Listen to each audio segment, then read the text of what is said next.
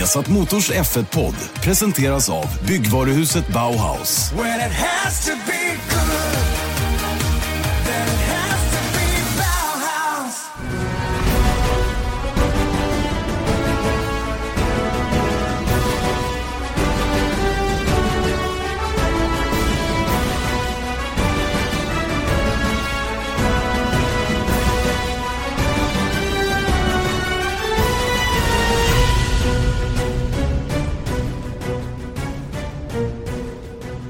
Ja, då hälsas ni välkomna till en ny Formel 1-podd från Viasat Motor. Viasat Motors Formel 1-podd eh, den här veckan, den första testveckan. Vi är alltså igång Erik Stenborg och det känns ju uppmuntrande på alla sätt och vis.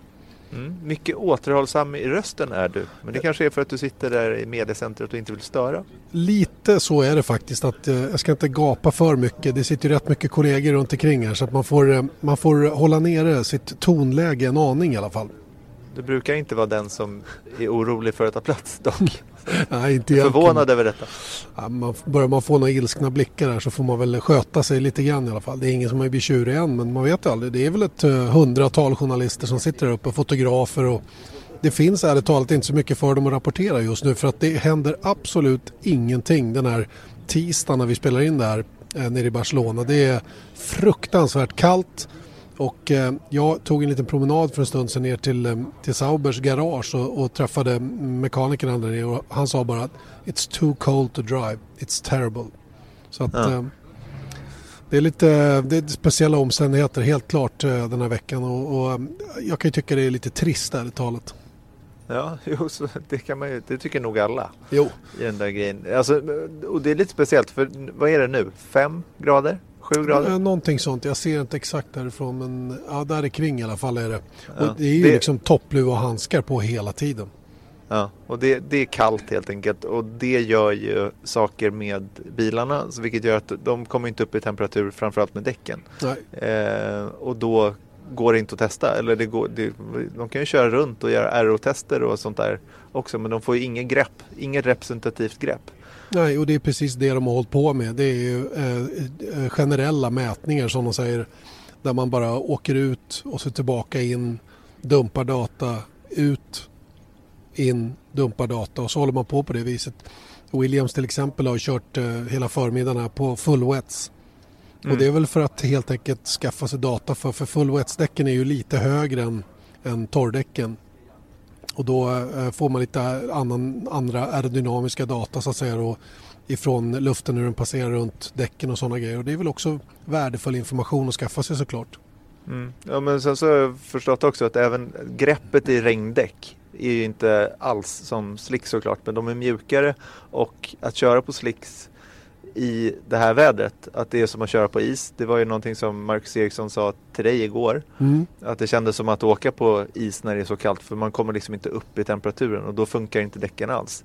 Medan då regndäck som är skårade, det är mer det är inte lika farligt att köra på regndäck. För de är mera, um, när det släpper på regndäck så, så sker det mer progressivt så att säga. Så det är, är inte bara sådär plötsligt. Nej men exakt så är det och, Marcus var väldigt illustrativ när han berättade för att när han åkte ur depån så har ju däcken varit i däckvärmarna och då ligger de på någonstans 100 grader eller någonting. Och, och, när han kom till de sista kurvorna här i chikanen på slutet på varvet då hade de sjunkit till 40 grader. Och han sa mm. det, det, det var närmast det var läskigt att köra bilen för så fort du trampade på gasen så stack bakänden ut och det är superlätt att bromsa på sig eller snurra av eller vad man nu gör. Va? Det, där, det är det absolut sista man vill göra i ett sånt läge så att säga. Så att det, det, det låter ju konstigt att det skulle vara farligare att köra långsamt än snabbt. Farligt inom citat men att det är lurigare att köra långsamt än snabbt. Men det är det faktiskt med de här bilarna. Mm. Kolla bara på bakom safety caren i, i Monaco där. Exakt. Då Marcus då körde av i första kurvan när han efter lång tid hade legat bakom säkerhetsbilen och temperaturerna gick ner i både bromsar och däck. Och då tappar man greppet. Det mm. fungerar liksom inte. Bottas, Bottas var en annan som snurrade bakom säkerhetsbilen i Kina. Och, äh, det är lurigt helt enkelt att inte köra bilarna i full fart så att säga. Det, det, de, är inten, eh, det de är gjorda för att göra så att säga. Mm. Så vi kan konstatera att Formel 1-säsongen är typ igång. Mm. Den är igång men inte riktigt. Exakt eh, så är det. Mm, och det leder ju in på frågan, för det är ju många som då direkt så kommer den här frågan upp. Jaha, varför kör man i Sydeuropa eh, där det är fortfarande vinter och inte i Bahrain till exempel? det är många som har grymtat om det och, och det, är, det, är, inte bara fans som undrar det här utan även teampersonal, förare. Det är många som lyfter frågan så att säga och när man pratar runt så är det många som hade sett att man hade varit i Bahrain till exempel och, och gjort försäsongstesterna för att få mer representativ körning. Men det är väl några saker tror jag som, som väger över till att köra här i Barcelona jämfört med någon annanstans utanför Europa. Det är framförallt logistiken tror jag. Eh, I morse när jag kom så eh, kom det en, en lastbil in från Sauberfabriken med nya grejer.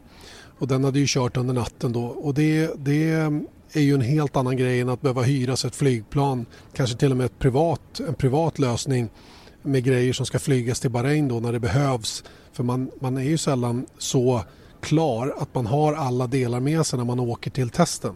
Utan det Nej. behöver ju kontinuerligt komma grejer hela tiden och det här är någonting som, som teamen naturligtvis eh, är medvetna om och därför tror jag man helt enkelt har gjort värderingen att det är bättre att köra här i Barcelona trots att det kan vara nyckfullt väder istället för att åka iväg till Bahrain, vilket man gjorde 2014 bland annat. Då var man i Bahrain och testade då, men då var det en mm. annan situation för att de bilarna var helt nya då med nya hybridtekniken som skulle komma. Man, man, man hade lite annan typ av däck. Man behövde helt enkelt ha säkra förhållanden för att då förbereda sig för just den säsongen. Nu är det en liten annan sits då eftersom man har eh, fjolåret att luta sig tillbaka mot och hela den grejen. Så att, eh, och sen är det ju naturligtvis en himla massa otur att eh, det är polarvindar som blåser ner över Europa just nu. Ja, ja men då, det är ju det som är grejen också. Att det är ju av, I alla avseenden är det dyrare att åka till Bahrain. Att frakta hela testteamet och alla bilar. Då måste du ju också, apropå att inte ha saker och ting klara. Med bilarna, de blir ju klara i sista sekund också. Och de måste ju då skeppas till, även om de ska flygas, så är det ju en större process att flyga dem till Bahrain antagligen än att flyga dem till Barcelona eller köra ner dem till Barcelona som de flesta gör i det här fallet då. Så då tappar de ännu mer tid och sen så då eh, att, att vara där. Och, men, men det man inte det man ska glömma, inte glömma bort är ju att de tidigare åren när vi varit i Barcelona så har det varit okej. Okay. Jag menar, Ibland i alla fall.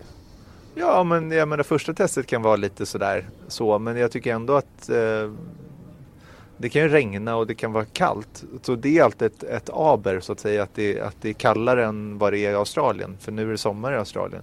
Eh, men jag menar när det är, det är ju stor skillnad om det är 14 grader. Visst 17 är det det och det, det, är ju så det kommer att se ut till exempel nästa vecka om man får tro prognoserna. Så då är det mera tillbaka till det normala om man säger så. Att, mm. att eh, att eh, man får eh, data som faktiskt går att använda sig utav på ett annat sätt. Och det är ju den andra veckan som oftast är den viktigare. Den här första är ju väldigt mycket systemtester och genomgång av bilen och hela den grejen då för att få allting att fungera på ett tillfredsställande sätt. Men oavsett det så är det ju fortfarande bara fyra, fyra dagars körning per förare att förbereda sig på. Och att som då för Marcus del igår, visst han fick upp 72 varv men kvaliteten på de 72 varven var ju inte speciellt hög om man ser Nej, till vad han kolla behöver. På Leclerc, kolla på Leclerc idag då.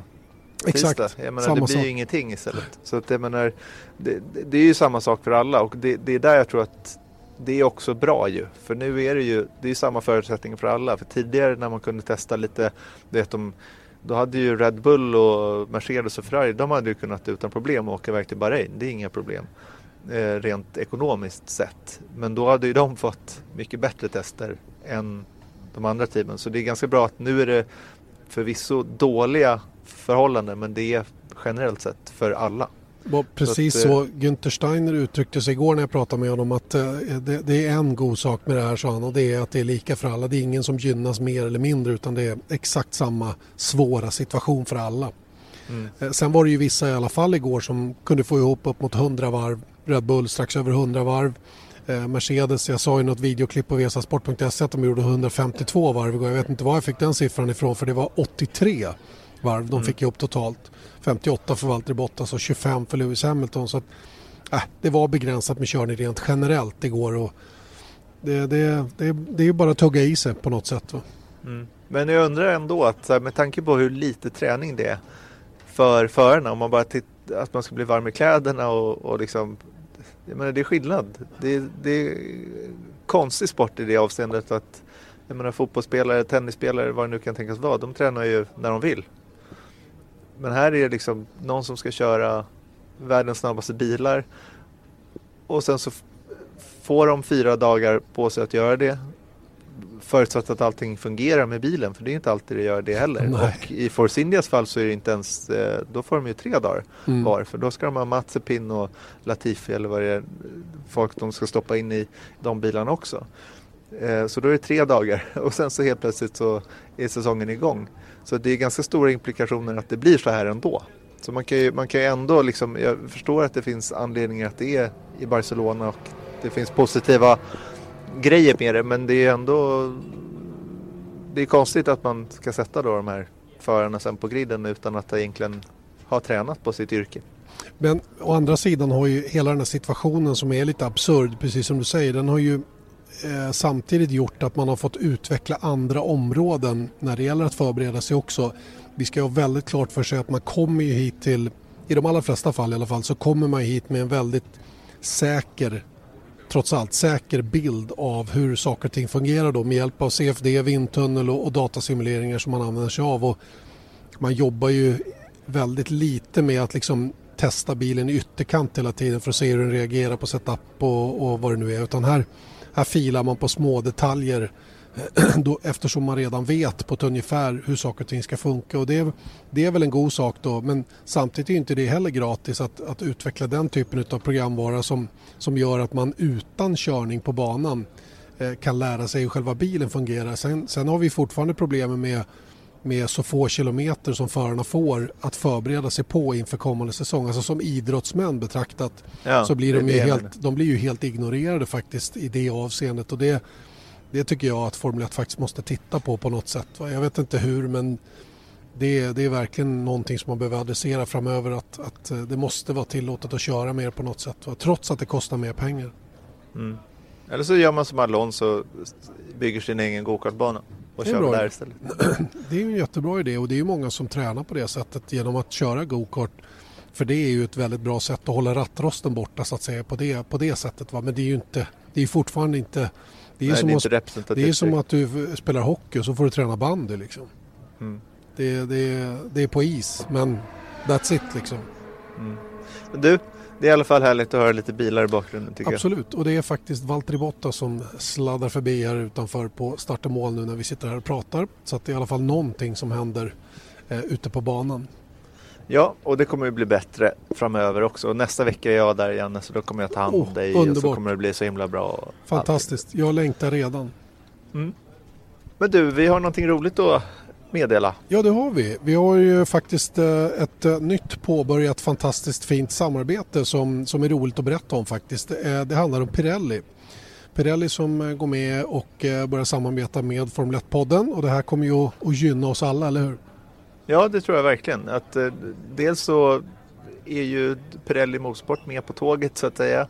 Eh, och jag tror...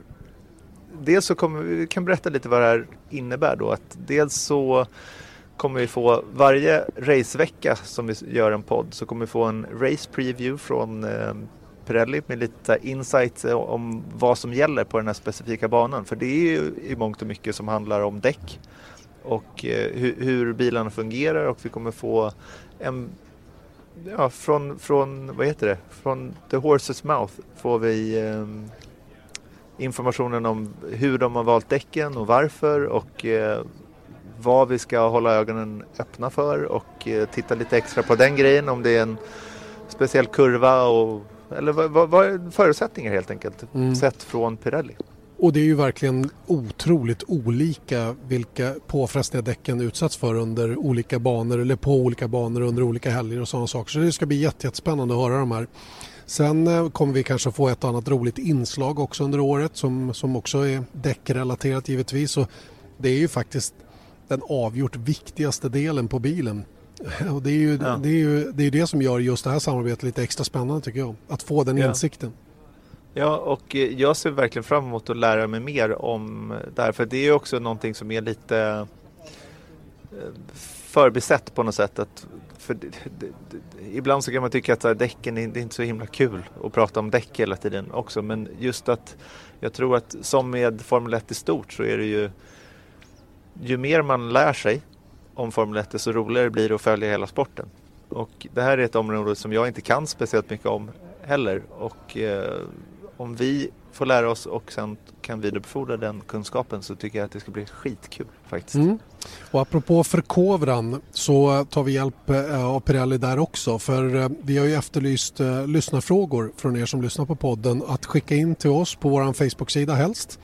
Facebook.com F1-podden och så kommer vi att välja ut en fråga som vi har med i varje veckas F1-podd och den av er som vi väljer ut kommer då att belönas med en äkta podiekeps.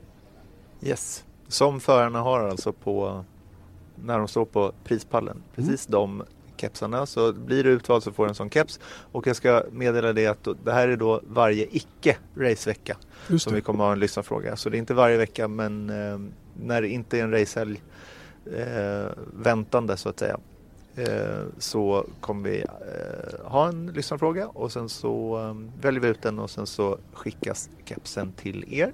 Och vill man så kan till, vi kan till och med signera den. Ja, kanske. Jag, jag tror inte att någon är speciellt intresserad av min autograf. Men jo, jo, jo. Speciellt Janne, Janne kan signera upon request. Eller hur? Mm. Eh, det kan tänkas att det kommer lite mer godsaker i den här lilla goodiebagen om vi får kalla det det då. Eh, för den som alltså eh, blir utvald som lyssnarfråga då icke-racehelger. Eh, men eh, extra kul också just den här podden är ju faktiskt att vi har en längre intervju med eh, Pirelli Motorsports högste chef Mario Isola. Fick en lång pratstund med honom om både ditten och datten faktiskt.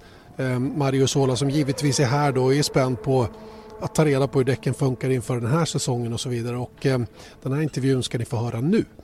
Mario Isola, Head of Pirelli Motorsport in Formula 1. Um, first day of testing. It's uh, exciting days for you guys as well, I guess. Yeah, we need to, to obviously to collect a lot of data, and we expect to collect a lot of data during this pre-season testing. It will be more important the second section, in in my opinion, because And now cars are new; they are more. All the teams are more focused on uh, aero test and this kind of stuff. Uh, and also the the circuit is, let's say, brand new. The tarmac is brand new, so we need uh, to better understand uh, the behavior of the car and the, the, level of grip on this new tarmac. And talking about the new tarmac, uh, uh, how big impact has that on, on the tires and, and the data you have from from previous years? it is it will be difficult to compare data from previous year to this year uh, because the difference in the new tarmac is quite big. Uh, the roughness is uh, uh much less now. Uh, it is quite normal when you have a new, new tar- tarmac. Uh, we had a GT test a couple of weeks ago, and the level of grip was good, but the level of degradation and wear was much lower. Cool fact a crocodile can't stick out its tongue. Also, you can get health insurance for a month or just under a year in some states. United Healthcare short term insurance plans, underwritten by Golden Rule Insurance Company, offer flexible, budget friendly coverage for you. Learn more at uh1.com. So, we needed to understand uh, also because we have to select the tires for the race. And the deadline is the 8th of March, so we, we needed to collect as much as uh, information as we can. And, and the early impressions that you have from this day, then, can you say anything about how the tires work? No. Today, I believe it's a bit too early because, um, as I said, the teams uh, uh, were running mostly the medium and the soft compound, but because they are more focused on the car rather than testing the tires. Uh, and how many tires are the teams allowed to use? Do they use as many as they want, or no, no, no? They have a limitation, and the total limitation for one year is 110 sets of tire. But, for uh, testing. Uh, for testing, for okay. testing, yes, for all the tests. So I'm talking about the pre-season tests and the in-season test. Altogether is 110 sets of tires.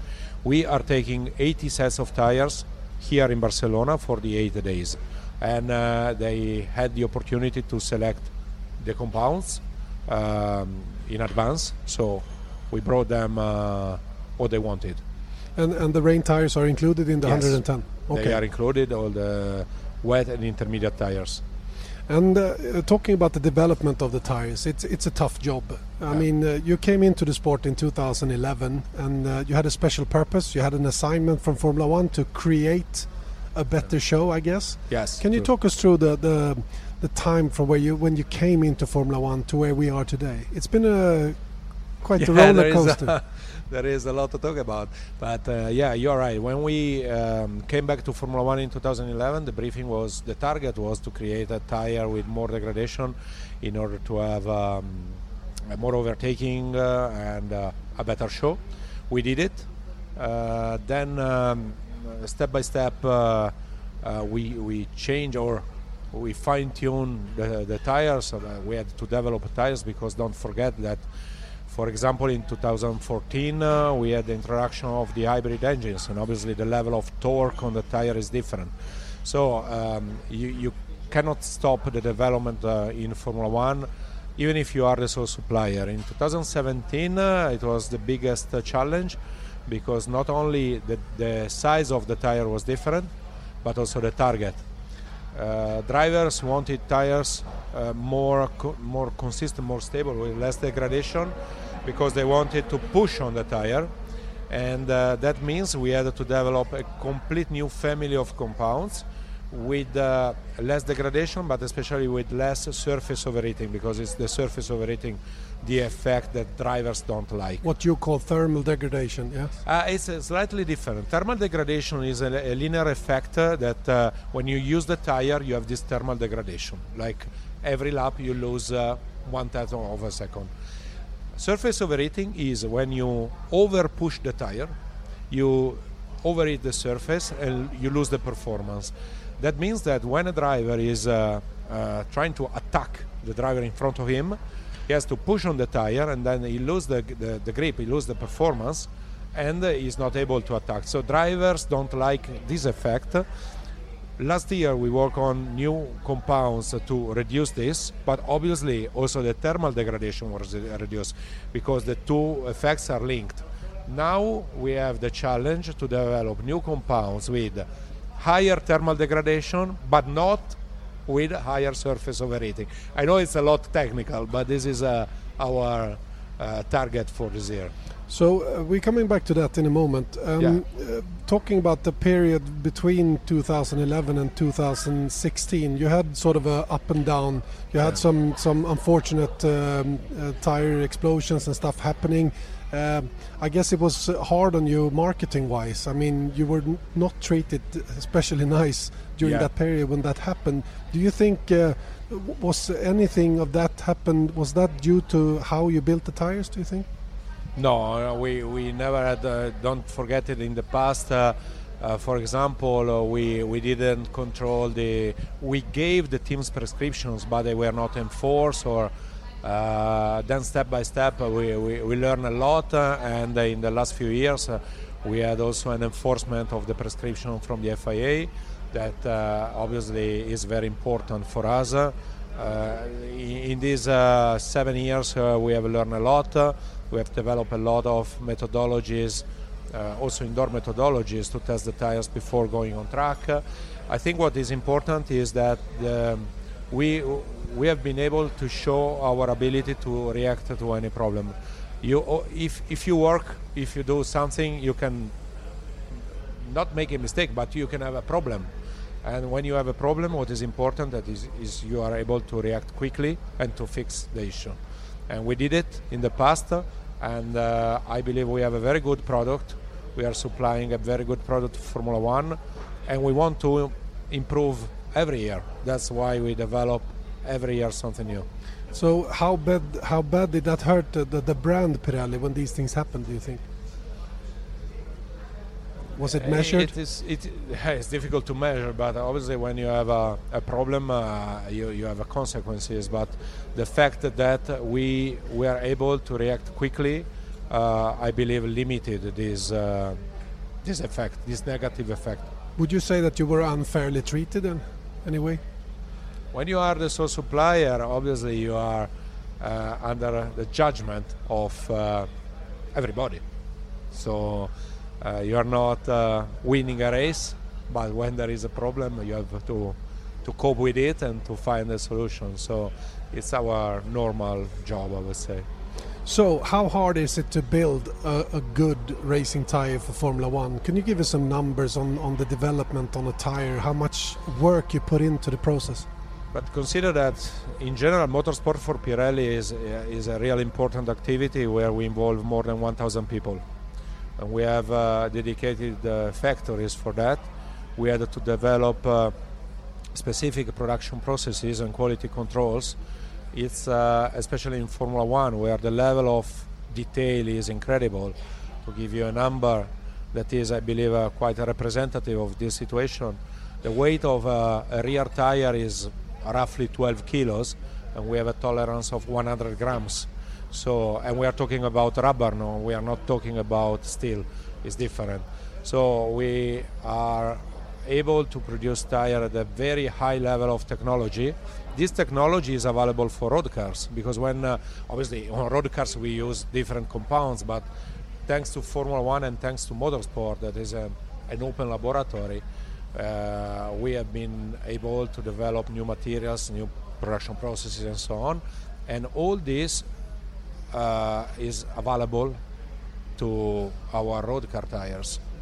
So we have learned a lot, and we can use this uh, knowledge for other purposes. So it's it's worth it for you to, to do a Formula One tire because you can use it in the in the production. Absolutely. Yeah. We are also uh, heavily involved in GT racing, where cars are more similar to road cars. We are involved in rallying, and uh, if you put together all this and uh, you learn from any activity, then uh, the the level of know-how of the company is is increasing a lot.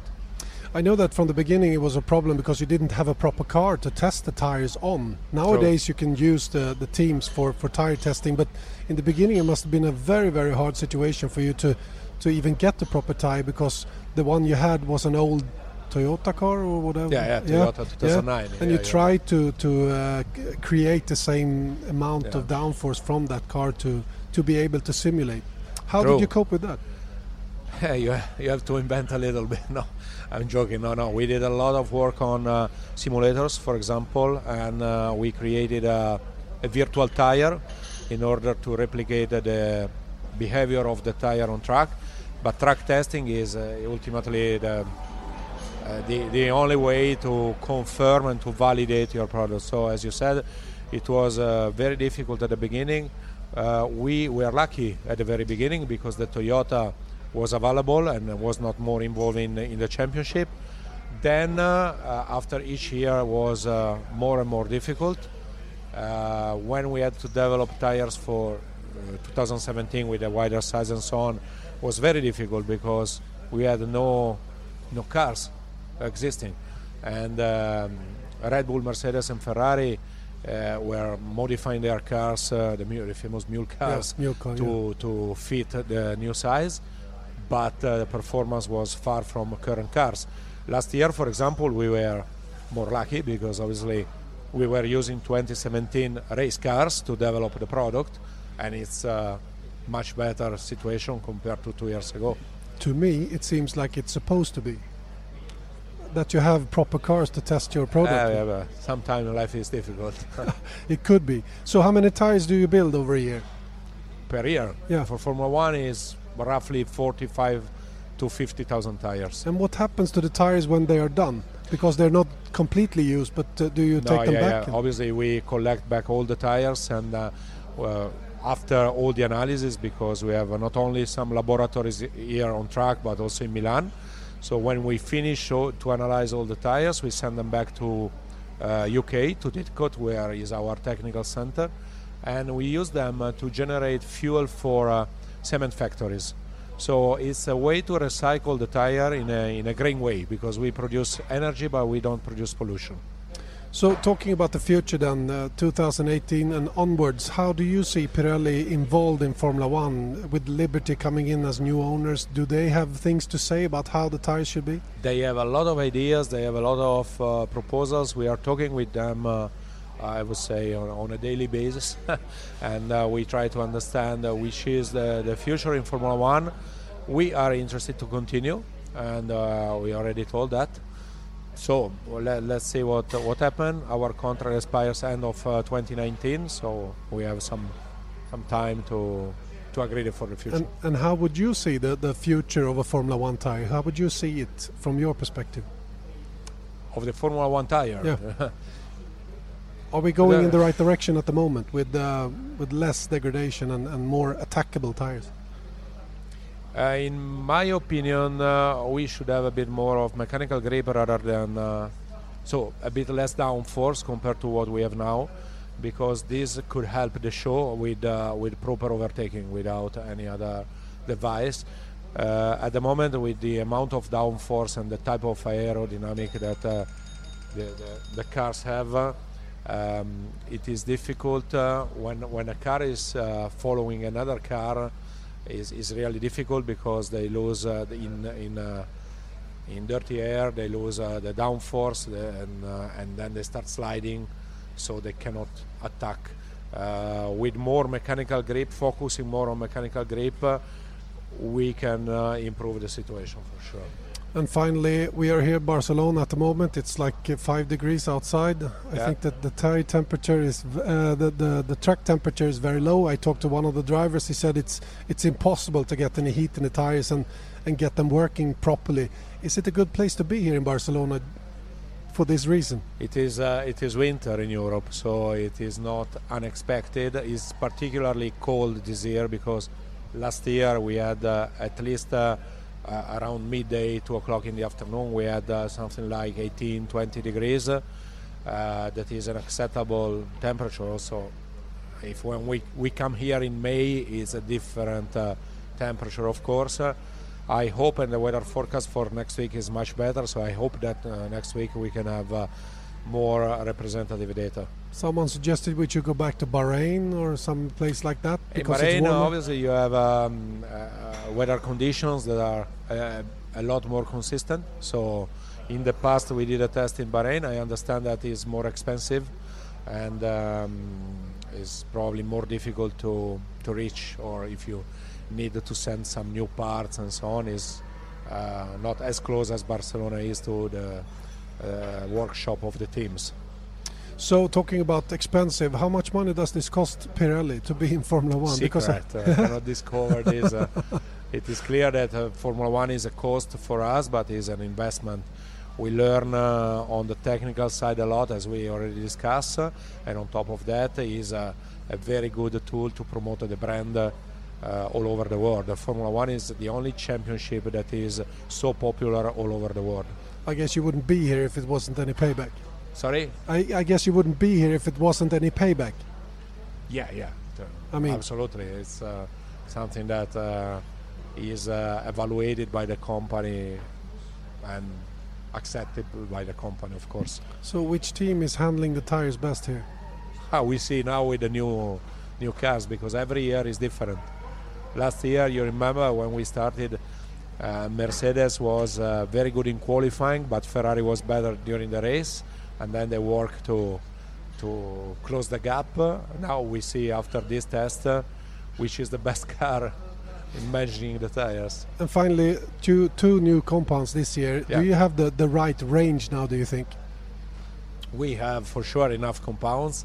Uh, this uh, decision uh, give us the opportunity to select uh, the right tires at each event. Uh, you know that the super hard is just a backup compound that we decided to homologate uh, as an insurance is if for any reason we are not uh, we are uh, underestimating the development of the cars so we have uh, in reality six compounds one more than last year but they are all softer I believe we are quite centered this year now with this situation. Do, what kind of reaction time do you have if you need to sort of uh, uh, adjust a tire compound or something? Well, we cannot change the tires or the compounds during the year if we don't have the unanimity of the teams. So usually during the year we prefer not to change anything because we don't want to change the balance in between teams. And uh, we are working clearly for next year to provide even a better product for uh, for next year. And we need to collect some data to understand which is the direction. Which is the toughest track for the tires? Um, I would say Silverstone, but Silverstone is also Silverstone is uh, Weather-wise. wa- was resurfaced uh, a couple of weeks ago. yeah, Yes, That's right. um, in the past was uh, Sepang. We are not going there anymore. Uh, Suzuka, Mhm. Quite a lot. Spa, High loads, yeah, high loads. Yeah, high speeds and high loads Uh, on the tires. also. Spa is very very tough. Also because you have the compression in Rouge Radion, where you have a lot of load on, on the tire. Final, fine, one final question. Many people ask why we run these 13-inch rims, why the, these balloon tires instead of uh, low-profile tires, which they have in sports cars and stuff like that. What is the, the real reason for that? We had discussion on that uh, in the past, uh, and uh, if you remember, we made a tire, 18-inch tire for uh, GP2. At the time, was that the, the name was GP2, and we tested that uh, during the year. So we, we made the product, but it, at, at the end, was a decision of the teams to stay on 13 inches tire.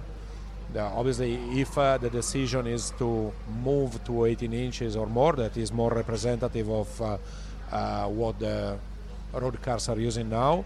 They have to redesign the suspension because now with a high sidewall they use that part of the tire as a suspension and we needed to redesign also the tires. You can imagine for example the impact on the curbs is different if you have a 13 inches with a high sidewall or 18 19 inches with a low profile tire. What would you prefer? Uh, I remember that uh, with uh, 18 inches was uh, nice looking. The, the, the, the car look aggressive. We have also to consider the, the weight of the rim if we move because now the tires are very big, and if we go up to 18 inches, also the, the weight of the rim is something we have to, to consider.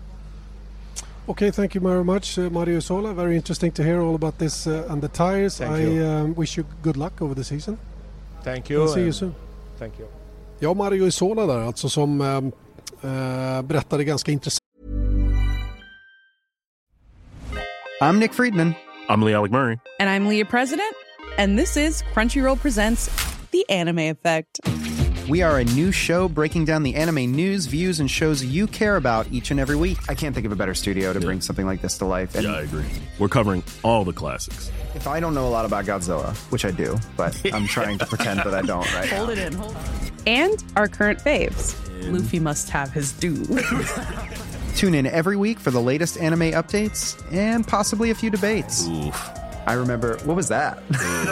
Say what you're gonna say, and I'll circle back. you can listen to Crunchyroll Presents The Anime Effect every Friday wherever you get your podcasts. And watch full video episodes on Crunchyroll or the Crunchyroll YouTube channel.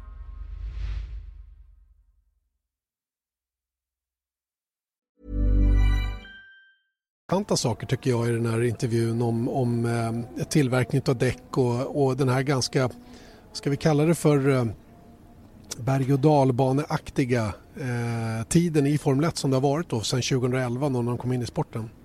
Mm, det kan man ju säga att det har varit. Alltså det, det är ju... Jag vet inte något annat varumärke i Formel 1 som fått utstå så mycket liksom spott och spä. Verkligen inte. Va? Och det, det tycker jag var intressant att han, han ville liksom inte tycka att de hade blivit orättvist behandlade på något sätt eller så utan han menar bara på att visst, man, det är inte så att vi gör misstag men vi kan stöta på problem vilket man gjorde då det här året kommer ni ihåg när man gick ifrån kolfiberbälte till stålbälte på däcket då där man fäste slitbanan i det och det här överhettade vilket gjorde att slitbanan släppte från däcken och det blev haverier som blev oerhört omdiskuterade. Och då reagerade man blixtsnabbt ju och fixade till de här däcken och efter det var det egentligen inga problem.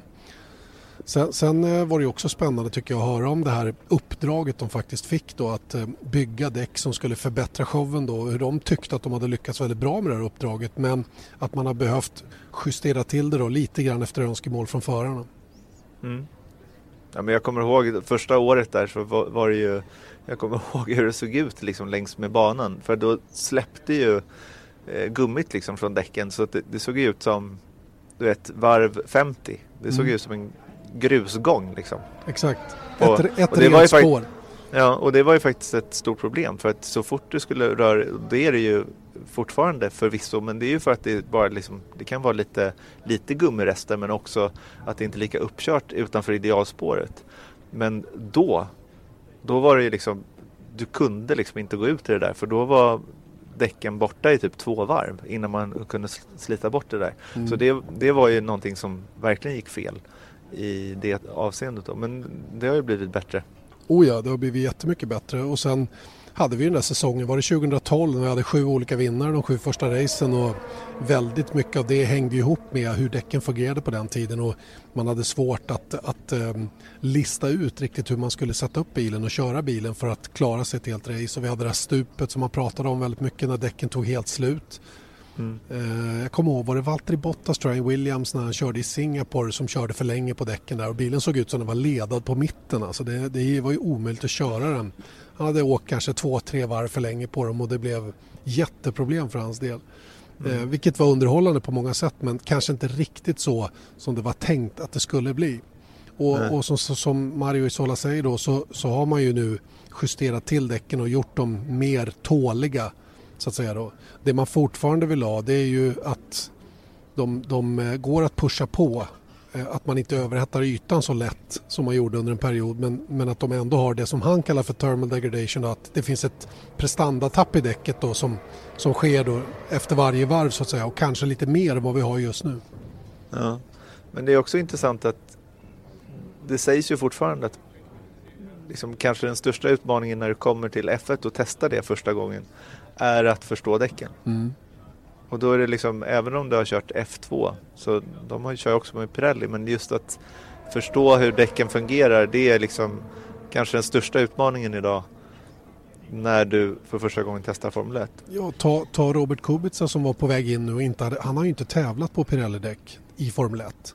Nej. När han tävlade senast så gjorde han det på, på Bridgestone och, och det sägs ju att det var lite grann det som avgjorde till Sirotkins fördel att han, han, eh, han lyckades inte optimera sin körning då. Och det där är ju någonting som är superviktigt. Hans, hans, ehm, eller Lance Stroll då som är kvar i Williams, han hade ju problem med envarvskörningen. Mm. Alltså nya däck, att få ut det där snabba varvet på nya däck förra året. Jätteproblem faktiskt många gånger.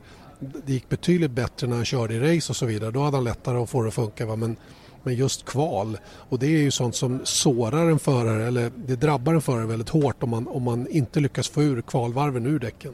Ja, och kolla på Marcus Eriksson också som i vår intervju tidigare under vintern sa också just det där att det dröjde ju till Texas egentligen innan han förstod att ja, men, han måste påbörja sina kvalvarv med lägre däckstemperaturer. Och då tänker man att ja, men det har gått två tredjedelar av en säsong innan en etablerad F1-förare liksom får in känslan i det och förstår det årets däck hur han ska hantera dem. Och det hänger ju även ihop med analysen som deras tekniker gör och där, oh, där de naturligtvis har siffror som de lutar sig mot som de rekommenderar då till förarna och till teamet och att man måste gå emot det egentligen för att få ut max ur däcken så att säga. Det är jätteintressant mm. tycker jag. 50 000 däck gör de under året. Det är ju rätt fascinerande också måste jag säga. Det är det är otroligt mycket och att det mesta går tillbaka då och blir någon form av, eh, jag vet inte vad han sa om det, till betongindustrin, sa han det? Ja, det är någon form av eh, bränsle.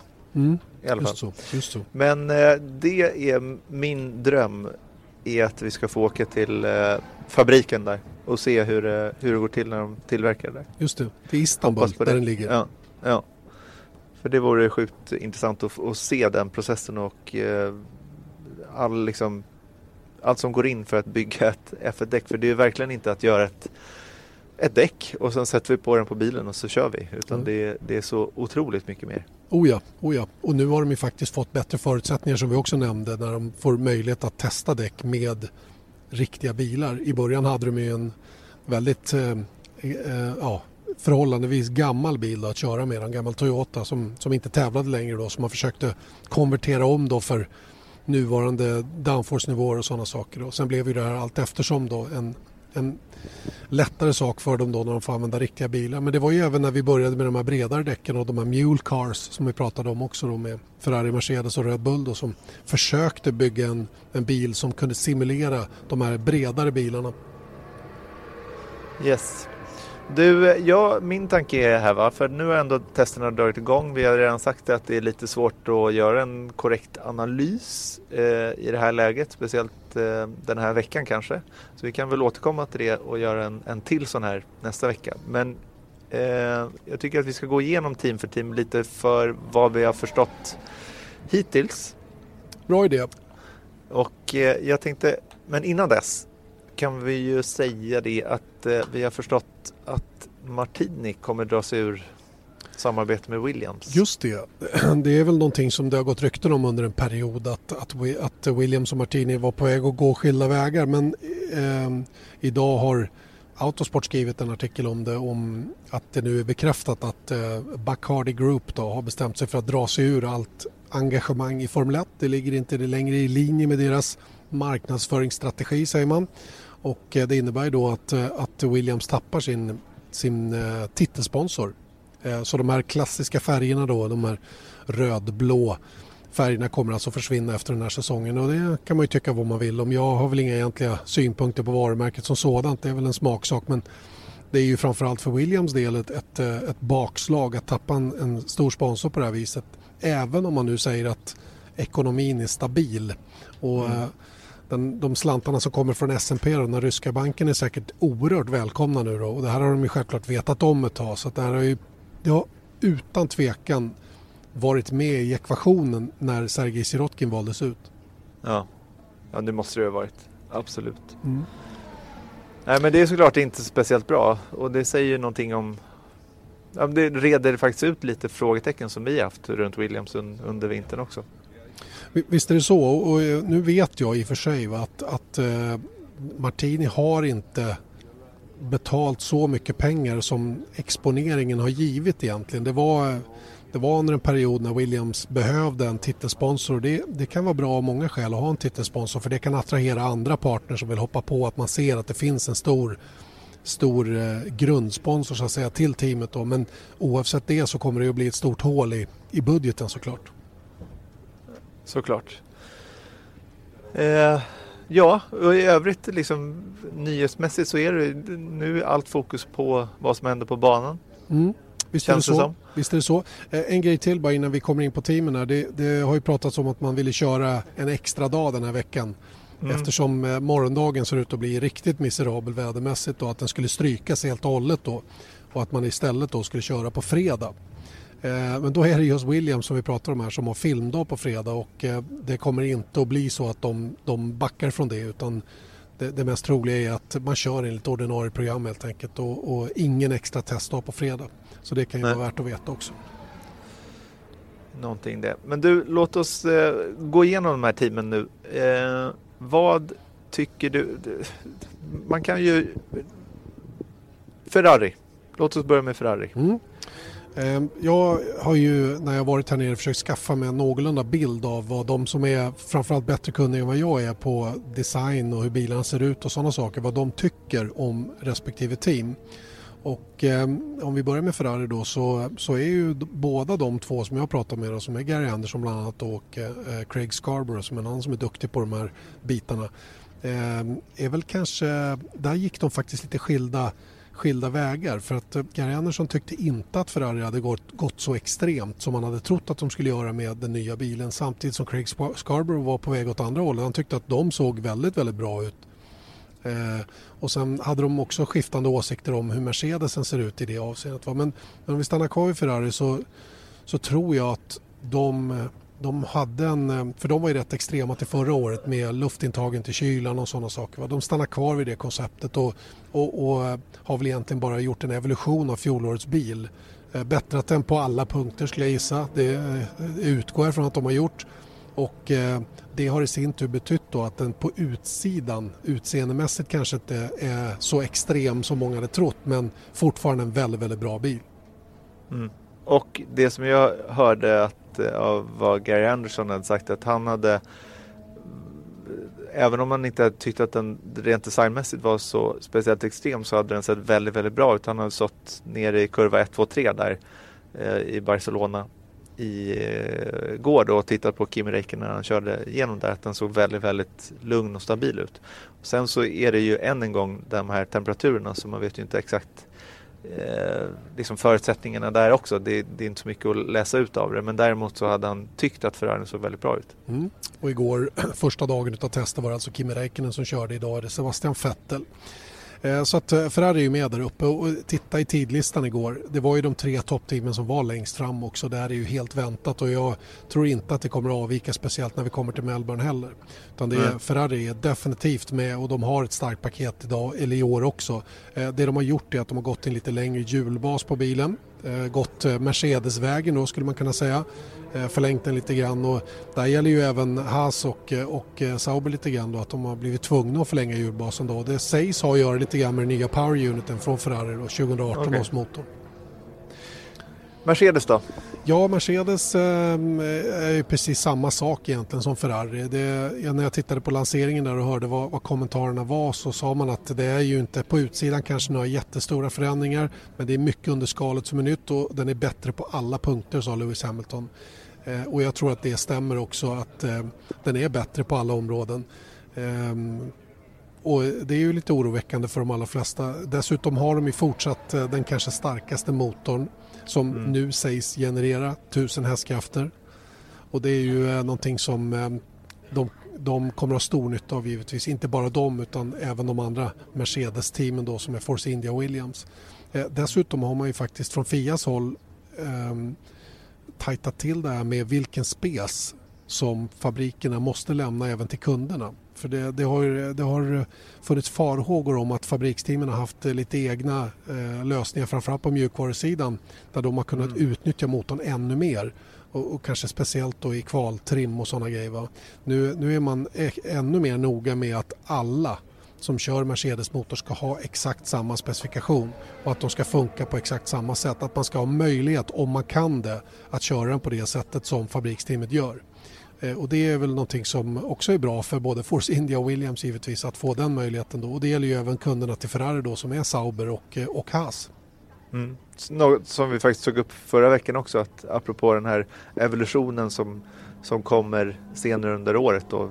Att eh, Ferrari sa ju det att de skulle Eh, påbörja eh, säsongen med en eh, bara evolution från, från fjolåret och sen så senare under säsongen skulle de introducera en mer ny motor mm. eh, på olika avseenden då. Eh, ja men det är väl toppen. Verkligen, verkligen bra. Eh, Red Bull som är det tredje toppteamet då eh, har också en väldigt, väldigt bra bil och jag vet att Gary Andersson var imponerad av den, hur den såg ut på banan också under gårdagen. Det var väl Ferrari, Red Bull och eh, McLaren som stack ut lite grann för hans del i det avseendet. Och man behöver inte vara orolig för att Red Bull har byggt någon dålig bil på något sätt, tvärtom. Va? Det orosmomentet som jag hörde att Christian Horner har varit inne på redan är ju att att han är rädd att Renault av tillförlitlighetsskäl måste köra en lite konservativare approach inledningsmässigt i alla fall på säsongen och det kommer att vara någonting som, som är en klar nackdel då för de som kör med Renault-motor vilket är Red Bull, det är Renault själva då, och även McLaren faktiskt. Så att, eh, vi får se om det stämmer. Jag har lärt mig kanske att inte ta precis allt som Christian Horner för bokstavligt. Han, han, eh, han är lite grann av en expertlobbyist. Och, Om jag säger så här, det gick väldigt fort det här året tills att han började klaga lite på på Renault. Det tog väl typ två timmar eller någonting sånt. Ja men lite så va. Och det här är ju naturligtvis en intern push på Renault. Eh, det är sista året Red Bull kör med Renault-motor och de, de, är, de är otroligt angelägna om att få så bra förutsättningar de bara kan under året och nu har de ju inget att liksom spara på när det gäller att trycka på dem lite grann officiellt eller eh, utåt så att säga då för att, för att verkligen få bästa tänkbara förutsättningar motormässigt. Mm. Då går vi vidare till de rosa Force India-bilarna. Mm, till att börja med så visades bilen för första gången här eh, inför den första testdagen. Den hade ju inte visats någonting innan dess. Eh, ser eh, också väldigt, väldigt fin ut designmässigt. Inga konstigheter med den bilen heller egentligen. Eh, jag har varit lite, lite så här fundersam med Force India hur, hur det ligger till där med ekonomi och sådana grejer. Och det har ryktats om att teamet försöker bli sålt att Vijay Malja då och eh, Mollfamiljen och vad det nu är som, som är delägare i det här teamet och vill hitta nya ägare till det och inte lyckats med det riktigt. Va? Så att, eh, eh jag vet inte riktigt och när det dröjde så länge innan de visade bilen också så blev man lite fundersam med om det var om, om de var sena på det så att säga. Va? Men bilen ser väldigt fin ut när den är på banan här och de har ju framförallt två väldigt starka förare också i Sergio Perez och, eh, och Esteban Ocon men ingen av dem fick köra första dagen. Det var faktiskt ryssen Nikita Mazepin som, eh, som fick den här första dagen. Och det är också ett, ett, ett, ett inom citat dåligt tecken va? för att Mazepin har ju då betalat för den här dagen. Och mm. om det då är sådana pengar som teamet behöver, för vi, som vi var inne på, bara fyra dagar per förare och att släppa en av dem till en, en, annan förare så att säga, det, det, det, det kan vara lite oroande i det avseendet. Men eh, Force India har ju i grunden ett väldigt bra paket. De såg ju otroligt starka ut under fjolåret, eh, fjärde bästa team. Eh, och eh, kommer att få det tufft att försvara den positionen i år med ett McLaren som kommer att gå betydligt bättre gissar jag. Eh, men även att Renault, fabriksteamet Renault kommer att ta kliv framåt. Så att Force India får hålla i hatten om de ska behålla fjärdeplatsen, det tror jag. Mm. Och de har ju också gått ut, Andrew Green som är deras tekniska chef sa ju att Halon har stökat till det för dem lite extra mycket just för att de hade tänkt att föra över fjolårschassit till i år. Men det Halon gjorde det att de inte kunde eh, så att säga behålla grundprincipen där. Eh, vilket gjorde ökade kostnaderna för dem. Men det har ju ökat kostnader för alla såklart. Men, men det är också en indikation på att det kanske inte mås speciellt bra eh, ekonomiskt Nej. i Force India. Och ofta när det blir så där när, när de ska sälja ett team eller sälja vad som helst egentligen, slutar man ju investera. Mm. Ganska hårt då från nuvarande ägare. För att om det är någonting man ska bli av med så, så, så kanske man inte... Ja, det, det sista du gör eh, när du ska sälja ditt hus är kanske inte att topprenovera det. Nej, du målar lite på utsidan bara. Ja, exakt. Så att eh, stämmer det då så, så kanske de har en lite jobbigare säsong varje fall till att börja med. Mm. Och eh, för att komma tillbaka till Halon och problemen med den då. Den väger ju alltså 7 kilo själva konstruktionen och sen så är det då infästningarna på kasset då som också gör att det blir ungefär 14 extra kilo på bilen. Och framförallt så hamnar ju de kilona väldigt högt upp på chassit. Och det var ju någonting som Toto Wolf sa när Mercedes visade bilen att den, den sabbar ju totalt center of gravity. Den höjer tyngdpunkten på bilen väldigt mycket och, och jag tror att det var mera det han var irriterad över än att den är ful. När han tyckte mm. att den var, det var en grej som han skulle såga av om man fick möjlighet till det. Ja. Men eh, apropå det där också att eh, det, det, finns ju hög chans för Force India att de inte kommer starta säsongen hetandes Force India. Ja, just det. det sägs Enligt de... eh, Ottmar eh, Safnauer. Ja. Det är något namn, kan... namnbyte på gång. Ja. ja, exakt. Och det indikerar väl kanske någonting nytt också. Mm. Ja, vi, vi, får, vi får ju avvakta och se vad som händer med det här teamet. Va? Men jag tror inte det är det starkaste rent ekonomiskt. Det, det har jag svårt att tro. Nej.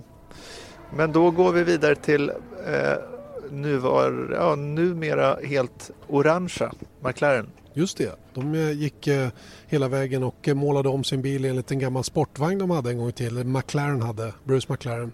Den är nämligen helt orange, papaya-orange med blåa inslag på bakvingen och framvingen tycker jag ser rätt trevlig ut faktiskt den här färgen nu när man ser den i verkligheten. På bilderna var det lite si och så beroende på i vilket ljus bilderna togs.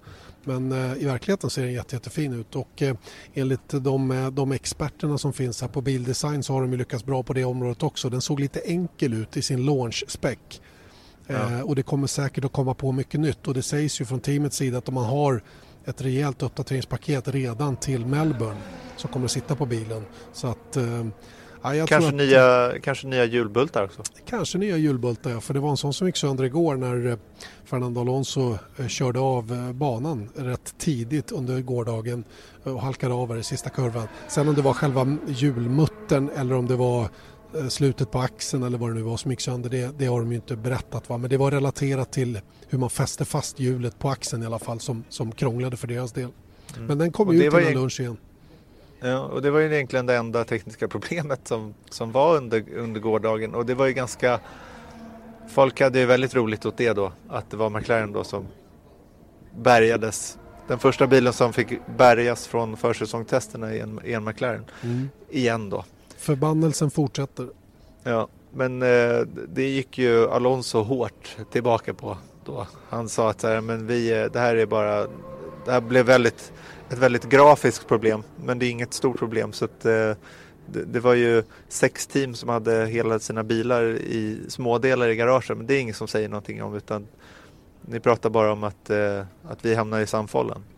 Och så, så kan det ju vara men det, samtidigt så är det ju det är ju talande. De har inte haft så himla kul försäsongstester de senaste fyra åren. Nej, verkligen inte. Men eh, jag tror att det där var nog bara ett olycksfall i arbetet och nu rullar det på. Stoffel van Dorn eh, snurrar på idag nu när de har börjat och kör lite grann i alla fall. Vi har väl kommit upp i ja, vi 26 varv för den som har åkt mest som är Bottas just idag alltså då, dag tisdag. Eh, men, eh, men eh, räkna med att McLaren kommer att vara med där och nu har de ju som sagt då en, en power unit då som är beprövad, nämligen Renaults då. Sen får vi se då om, om hästkrafterna i den motorn då kommer att räcka till för att de ska kunna visa upp sig på, på fullaste allvar. Gary Andersson när jag pratade med honom igår sa ju att McLaren har ett bra chassi. Det hade de redan förra året. Men det de gjorde under fjolåret var att de körde den med mycket, mycket mer downforce än vad man egentligen ska göra. Vilket gjorde chassit bättre än vad det kanske var då. Och det här gjorde man ju då för att, för att markera mot Honda och sådana saker och att man inte hade speeden bak till då som, som man hade behövt. Så jag, jag, jag tror rätt hårt på McLaren i år faktiskt och det har låtit väldigt positivt från, från deras håll och eh, det ska bli spännande att se hur långt upp de når faktiskt. Mm. Nu hoppar vi lite i vår lista för jag tycker att det är roligt att gå raka vägen till dem från McLaren och det är ju Toro Rosso. Ja. Som körde 93 varv igår med Brendan Hartley perfekt tillförlitlighet mm. menade han. Ett par sekunder från bästa tid och eh, utan några som helst problem som han uttryckte det då. Och eh, det där är ett superfall framåt i den, eh, ny, eller ja, den vidareutvecklade motorn som Honda har då till i år. Och bara det faktum att, att saker och ting funkar är ju ett sånt stort steg framåt så här i början på säsongen. Och rätt talande också för hur, hur det här timingmässigt det har varit för McLaren då med att ha haft Honda när de har haft sådana jätteproblem och så kanske det verkar som att de i år har bättre ordning på saker och ting. Nu har vi ju ingen aning om hur, hur, hur eh, den ligger till rent hästkraftsmässigt mot dem. men det viktiga just nu i det här skedet är att den funkar och att teamet kan fortsätta med det testprogram som man har framför sig. Mm. Men det är också roligt för att en grej de pratade om förra året med Honda då var, hos McLaren var att eh, körbarheten var katastrofal. Mm. Det var ju en, en som återkom under hela säsongen och eh, Brendan Hartley, det är klart att han är ju, hela Toro Rosso är väl angelägna om att eh, inte eh, liksom såga Honda vid fotknölarna, fotknölarna det första de gör. Men han säger att det är den bästa F1-bilen han har kört rent körbarhetsmässigt mm. också. Så att någonting har ju hänt. Och man, det kommer säkert komma frågor här om, om hur mycket faktiskt det kanske inte bara var Hondas fel så att säga Nej. i samarbetet med McLaren. Och jag tror att eh, eh, ryktesvägen har man ju hört att det var lite eh, kopp, hela drivlinan, alltså växellåda ihop med, med motor då, som inte riktigt lirade. Att det skapade vibrationer som skakade sönder saker. Och det är ju faktiskt inte samma växellåda nu som Toro Rosso använder som McLaren hade. För McLaren byggde sina egna och nu tror jag att det är Red Bull som bygger växellådan åt Toro Rosso. Och då mm. kan ju det vara saker som hjälper till att Honda då helt plötsligt får sin motor att gå som det är tänkt så att säga. Och det hjälper ju till i, i samma situation. Mm. Och det här är ju faktiskt oerhört positivt för att ännu ett miserabelt år med Honda så då vet man faktiskt inte vad som hade hänt 2019 och som sagt vi behöver eh, biltillverkare i, i Formel 1. Tveklöst, tveklöst är det så. Eh, nästa team då, eh, om vi ska ta det i vår lista här, så landar vi på Renault. Eh, Renault-bilen som, eh, som visade upp sin eh, digitalt. Eh, här på banan ser den ju inte riktigt likadan ut. Det är rätt mycket nya delar på den och eh, enligt eh, vad jag har sett i alla fall och läst mig till så, så verkar den imponera på de som sett vad den klarar av ut på banan. Och det, det är också ett intressant team ju för att de är ju trots allt ett fabriksteam som, som ska vara med högre upp än vad de var förra året i alla fall och nu är det ju det här på riktigt deras år riktigt som, som en sammansatt eh, organisation på ett annat sätt kanske än förra året och det, det ska bli spännande att se faktiskt hur långt upp de når. De har ju eh, två omvittnat starka förare också som kommer att fightas febrilt under året med att vara snabbast inom teamet till att börja med. Verkligen. Så att eh, Renault, äh, Renault ser spännande ut tycker jag. Eh, vidare har vi Haas, amerikanska Haas-teamet som eh, ja, inte så mycket att säga om. De kommer att vara ett mittenteam i år också. Eh, har väl inte eh, imponerat på någon egentligen med bildesignen. Ganska basic stuff om man säger så. Eh, inget som sticker ut egentligen. Eh, behöver nog bli mer konsekvent snabba. Tycker de var lite för ojämna under fjolåret framförallt och eh, det är nog det man tittar på mest, att, att höja lägsta nivån så att man mer konsekvent kan vara på den nivå man bitvis visade under 2017. Och det, det tror jag är deras huvuduppdrag i år faktiskt.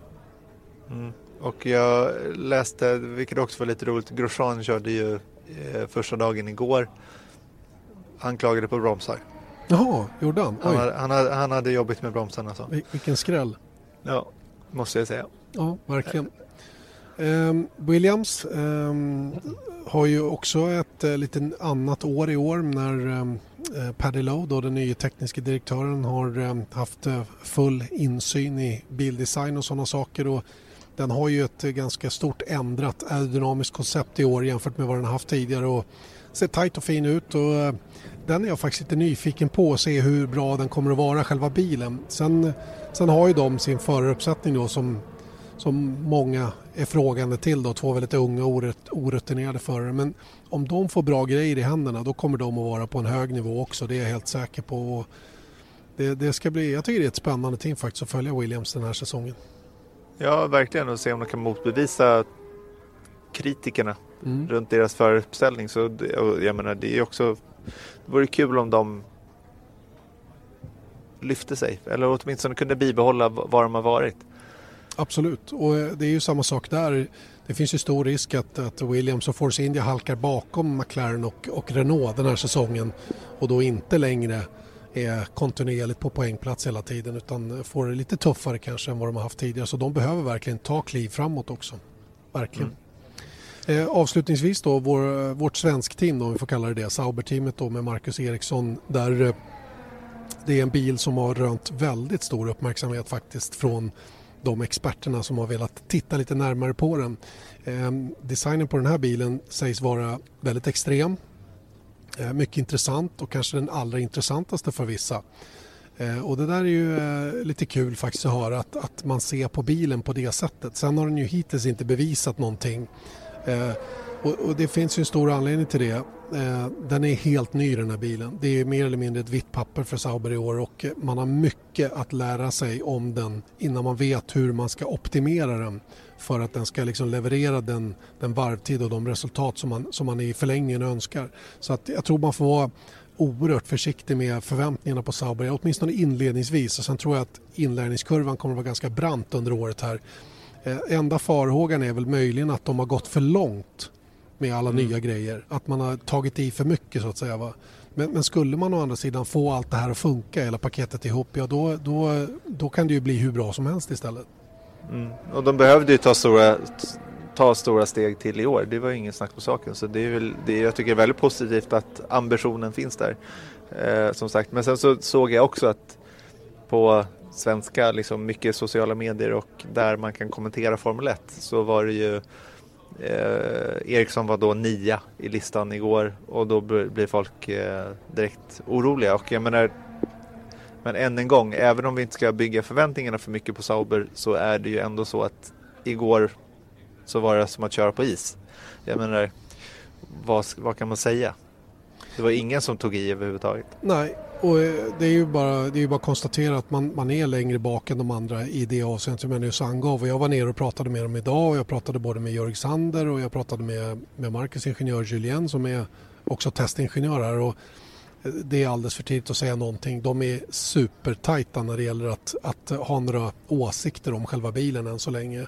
De hade lite eh, inkörningsproblem igår, lite barnsjukdomar som behövde korrigeras och fixas till men eh, det kom lite nya delar i morse även om det mesta som kom i morse var, var reservdelar faktiskt som kom till banan. Men det är, och de har ett, ett stort uppdateringspaket på gång inom kort.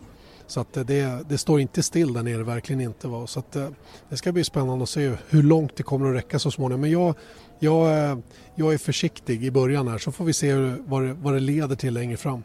Ja. Men när du ser nu Sauber på banan, för man har ju pratat mycket om det att så här, okay, det är nya tider, nya, nytt ägandeskap eh, sen ett tag tillbaka förvisso, men sen så Alfa. Är det en, en annorlunda känsla i hur teamet ser ut på banan? Det skulle jag säga och jag förstår vad du menar. Du tänker inte på själva körmässigt på banan utan hur de agerar i, i depån och hela den grejen. Det, det kan jag hålla med om att det, det, är inte, det är inte lika frikostigt med att få titta in i garaget och sådana grejer längre utan nu är det lite tajtare och, och Ferrari har, har saker att säga till om framförallt på power unit-sidan men vi vet ju att det hela bakänden på bilen kommer från Ferrari med deras hjulupphängning och sådana grejer. Så att, mm. och, och, de har ju som sagt sin juniorförare i teamet också så de vill inte vara för öppna längre utan det, det känns eh, det känns några procent ännu mer professionellt tycker jag faktiskt sen, sen Alfa Romeo har kommit in nu och det är lite nya ansikten där nere också som man inte känner igen och det, det, det är ett snäpp upp på alla områden så att säga. Mm. Är det mycket fokus på Leclerc? Inte, inte ännu så länge. Men det finns ju folk runt omkring Leclerc som, eh, som är lite andra människor än de som var runt omkring Pascal Wehrlein. Wehrlein var ju väldigt ensam nere hos Sauber förra året. Han hade ju ingen som hjälpte honom med någonting egentligen. Och han satt lite ensam i ett hörn där inne, hade sina föräldrar på plats lite emellanåt. Det är en, det är en stab av människor runt Leclerc som inte fanns förra året när Mercedes-junioren Wehrlein körde där. Mm. Nej, superintressant att följa mm. och kanske framförallt nästa vecka. Ja, framförallt då när vi ser lite mer när saker och ting börjar bli mer optimerat. Sen, sen eh, innan vi slutar Erik, eh, några korta ord om Halo som är otroligt omdiskuterat givetvis. Den här Eh, eh, strukturen då runt föraren då som ska, ja det är ju som en störtbåge egentligen kan man kalla det. Som finns i vilken bil som helst som tävlar på banan. Men den här är ju omdiskuterad då eftersom man tycker att föraren ska sitta in i en öppen sittbrunn så att säga. Att den har blivit lite mer stängd nu då. Eh, och, och den, den, diskussionen lämnar jag därhän, vad man liksom tycker om själva hur den ser ut och hela den biten. Men det viktiga är att förarna inte upplever den störande överhuvudtaget. Pratade med Marcus igår, han sa jag har inte sett den på hela dagen. Jag, jag tänker inte ens på det. För när man har sett lite videobilder så ser man ju att överdelen, på, eller man, på de videoklippen så har man ju sett Halon hela tiden. Det gör inte föraren för de, deras, de har ju som förstärkningskant på, på visiret och den är lägre ner. Så att det är ja. precis som att titta i vanliga fall. Och den här pinnen i mitten den glömmer de bort på en gång. Den, den finns inte framför dem utan det är överhuvudtaget ingenting som märks för förarna när de är ute och kör alls. Nej, och jag har faktiskt blivit förvånad över att det är en del som har uttryckt nu när liksom fansen har sett den på banan att de till och med tycker att den ser lite cool ut. Mm. Eh, det, är väl, det är väl hugget som stucket för det är väl Ja, Vissa ju... tycker att den ser förkastlig ut också men, men jag, tyck, jag tror att det är en sån där grej. Vi kan konstatera det att det där vi kommer inte, det kommer inte vara ett hett samtalsämne hela året. Såvida de inte börjar testa någonting nya, eh, nytt då. Nej, och, det, och, den sitter ju där och den kommer att sitta där. Det är, bara, det, det är så som det är och sen får vi, får vi leva med det och tycker man är, det är avgörande för ens intresse, ja då får man väl göra något annat då, eller på säga. Det är ju som det är liksom. Precis. Så är det med den saken. Det jag kan tycka däremot, det var någon som skrev på min Instagram tror jag. Han tyckte det, var, det tyckte jag var en bra idé att man borde lacka eh, själva halon i eh, flaggan på förarens färger. Ja, det är inte varit någon det är, en, det är en jättebra idé för det är ju tveklöst, eh, tveklöst så att man ser mindre av hjälmen och mm. eh, identifieringen skulle hjälpas oerhört om man satte en gulblå Halo till exempel på Marcus bil och en blå eller en rödvit på, på Leclerc och så vidare. Va? Att man gjorde identifieringen av förarna mycket, mycket tydligare på det sättet. Det ja. skulle jag verkligen se som, en, som ett lyft i det avseendet. Mm. Och det är någonting som diskuteras mycket också att, eh, att eh, ja, egentligen FHM har varit angelägna om att teamen ska visa siffror, visa, visa namnen bättre. Mm. Namn kunde man ha också. Ja, kunde man ha. Men framförallt färger. Lätta, lätt, eh, lätt uppsnappade färger som man snabbt skulle kunna se vilken som är vem. Mm. tycker jag vore toppen. Mm. Då är vi klara va? Det tycker jag vi är. Vi har varit en lång och matig podd. Hoppas den har varit till belåtenhet. Vi kommer givetvis tillbaka om en vecka igen och vi upprepar då att ni gärna får skicka in era lyssnarfrågor till oss alltså på vår Facebook-sida facebook.com F1-podden. Eh, allt ni kan tänkas undra över så ska vi försöka svara efter bästa förmåga och den som vi väljer ut då när det inte är racevecka så att säga under säsongen kommer att belönas med en podiekeps och kanske något mer som vi får tag i under säsongen. Mm. och det är väl det roliga. Och mer Pirelli kommer under året också, mer insight i det här med däcken funkar. Jättebra. Toppen, då säger vi så. Det gör vi. Ha det gott Vi hörs då. nästa vecka igen. Ja, det gör vi. Ha det bra. Ja. Toppen. Hej. Hej. Vesat Motors F1-podd presenterades av byggvaruhuset Bauhaus.